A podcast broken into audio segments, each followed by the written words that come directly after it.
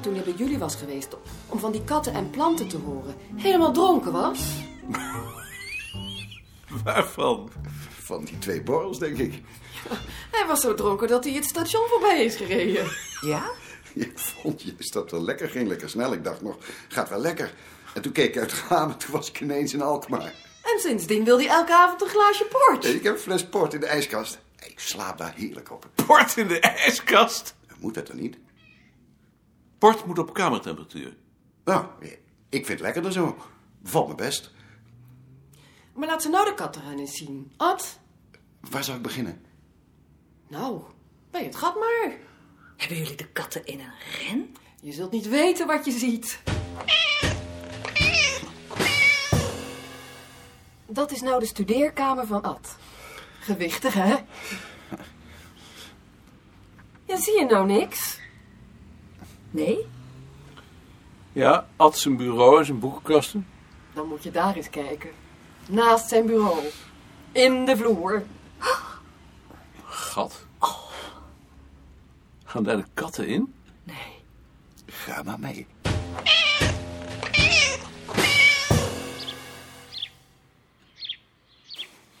Hier loopt hij onderdoor. En dan gaat hij hier langs. En dan komt hij daaruit.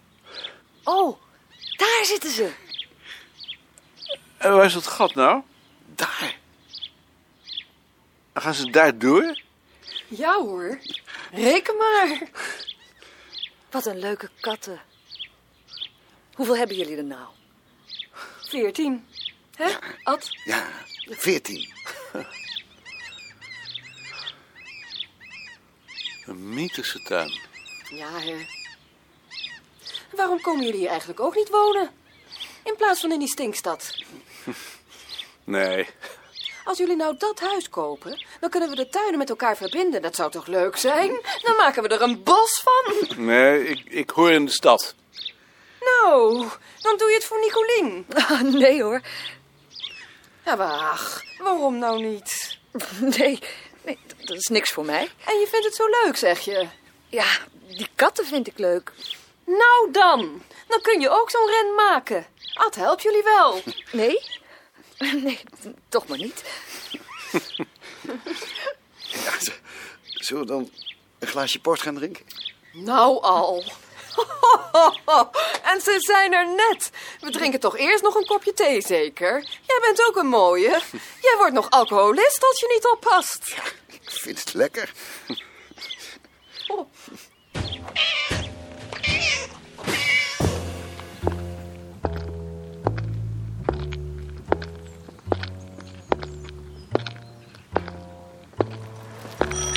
Vader, van dag maken, hè?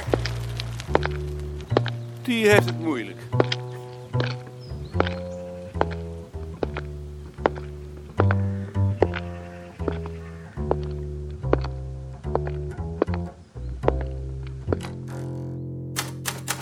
Heb je dat knipsel van Van der Meulen nog gelezen? Ja, En wat zeg je ervan? niets. Niets? Nee.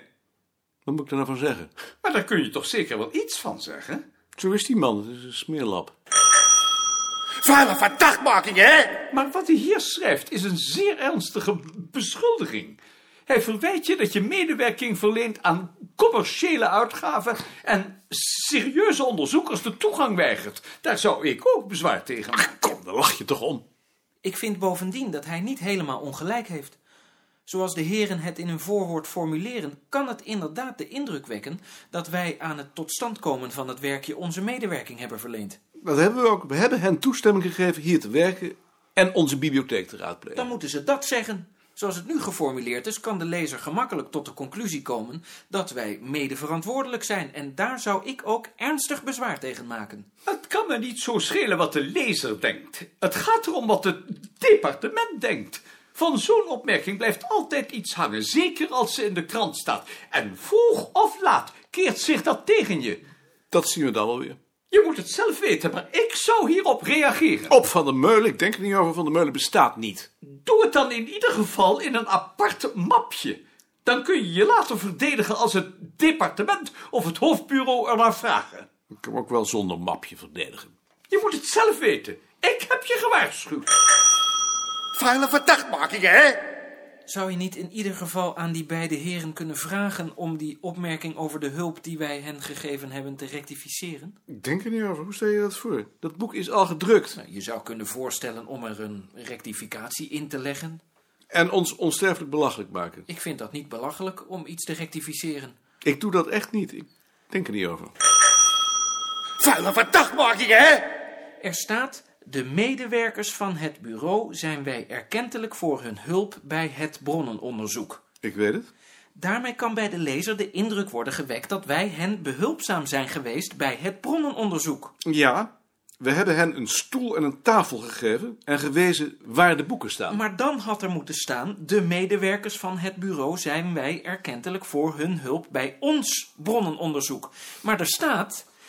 De medewerkers van het bureau zijn wij erkentelijk voor hun hulp bij het bronnenonderzoek. Ja. Daaruit zou je kunnen afleiden dat wij bronnenonderzoek voor hen hebben gedaan en dat hebben wij niet. Dat zou je eruit kunnen afleiden, maar dan vergis je je. En die vergissing wil ik nu juist uitsluiten. Ik vraag niet om een rectificatie. Wat de lezer denkt, dat denkt hij, maar het interesseert me niet. Maar kunnen we dan niet in ieder geval een circulaire voor de bezoekers maken waarin we duidelijk aangeven hoe we bedankt willen worden? Ik zou daar toch wel heel veel prijs op stellen.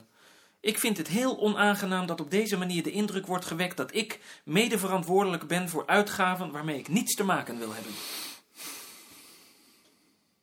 Ad, heb Ja, je het gevolgd? ja, ja. Wat vind je ervan? Ik heb er geen behoefte aan. Ad en ik hebben er geen behoefte aan. Dat vind ik heel vervelend. En als iemand nou schrijft dat jij je medewerking hebt verleend terwijl je hem alleen maar inlichtingen hebt gegeven. Ik geloof niet dat me dat wat zou kunnen schelen. Dat begrijp ik nou niet. Inlichtingen geven is toch iets anders dan medewerking verlenen? Ik begrijp niet dat jullie dat niet willen inzien. Ik wil het wel inzien, maar ik kan me er niet druk over maken. Dat is dan misschien omdat jij een dikkere huid hebt. Ongetwijfeld. Toen ik geboren werd, zei de dokter al... dat was dokter van de kastelen. Ik weet niet wat er met dat kind is, maar het heeft de huid van een olifant. Het was niet mijn bedoeling om je te kwetsen. Dat deed je ook niet. Mensen met de huid van een olifant zijn per definitie niet te kwetsen. Vuile verdachtmakingen, hè? Goedenavond, dames en heren. Sinds vanmiddag 1 uur onze tijd woedt in het Midden-Oosten een zware strijd op twee fronten. Zowel Israël enerzijds als Egypte en Syrië anderzijds beschuldigen elkaar ervan de strijd te zijn begonnen. Volgens Radio Tel Aviv dringen Israëlische strijdkrachten hun tegenstanders terug op de hoofdvlakte van Golan en bij het Suezkanaal. De tweede dag oorlog in het Midden-Oosten heeft een beslissing in de strijd nog niet dichterbij gebracht. Egyptische en Syrische troepen hebben hun posities in de bezette gebieden behouden. De twee Arabische staten zeggen zelfs terreinwinst te hebben geboekt. Israël meldt aan beide fronten de opmars te hebben gestaard. Legerwoordvoerder Herzog meldt zelfs dat het Egyptische invasieleger in tweeën is gehakt. Had je nog een plan? Eh, ik had gedacht eh, naar mijn vader te gaan. En nee. En Dan weer die rechtse praatjes over Israël aanhoren zeker. Ja. En net nou die oorlog daar geweest is. Kun je niet wat anders verzinnen? En het leek me ook leuk om vandaag langs de autoweg te rijden. Je weet nooit hoeveel van die autoloze zondagen er nog komen. Maar daar hoef je toch niet speciaal voor naar je vader? Zijn er nog wel andere autowegen? Naar Flap en Toast dan? Moet je dan met alle geweld naar iemand toe? Je kunt toch ook wel gewoon een fietstocht maken? Jawel. Nou, Ja, zeg, zo gauw weet ik niet wat anders. nou, laten we dan maar naar je vader gaan. Als jij zoiets eenmaal in je hoofd hebt, dan ben je toch niet te genieten. Ik hoef helemaal niet naar mijn vader. Ik wil best ergens anders heen. Ik kan alleen niet zo gauw iets anders verzinnen. We gaan naar je vader. Moeten we brood mee? Dat krijgen we daar wel. Ja, als we alweer bijna naar huis gaan zeker. Dan vraag ik er wel om. Maar we blijven toch niet te lang, hè? Koeweit, Koeweit, Koeweit, kille, kille, Koeweit, kille, kille, hopsasa. Wat ben je stil? Geniet je wel. Jawel. Ik merk er anders niet veel van. Je zit ook niet te zingen. Ik zing toch niet altijd? Maar meestal wel. Als je in je doen bent, tenminste. Hoor je dat dan? Tuurlijk hoor ik dat. Ik ken je toch? Ik ben rusteloos. Ik zou weer in mijn eentje willen rijden met z'n tweeën. Zonder auto's, maar ook zonder brommers en andere fietsers. En zonder het idee dat dit sensationeel is. Waar denk je aan? Aan het bureau. Kun je nou niet eens een keertje niet aan het bureau denken? Ik zal mijn best doen. Altijd maar dat bureau. Ik krijg er nog wat van.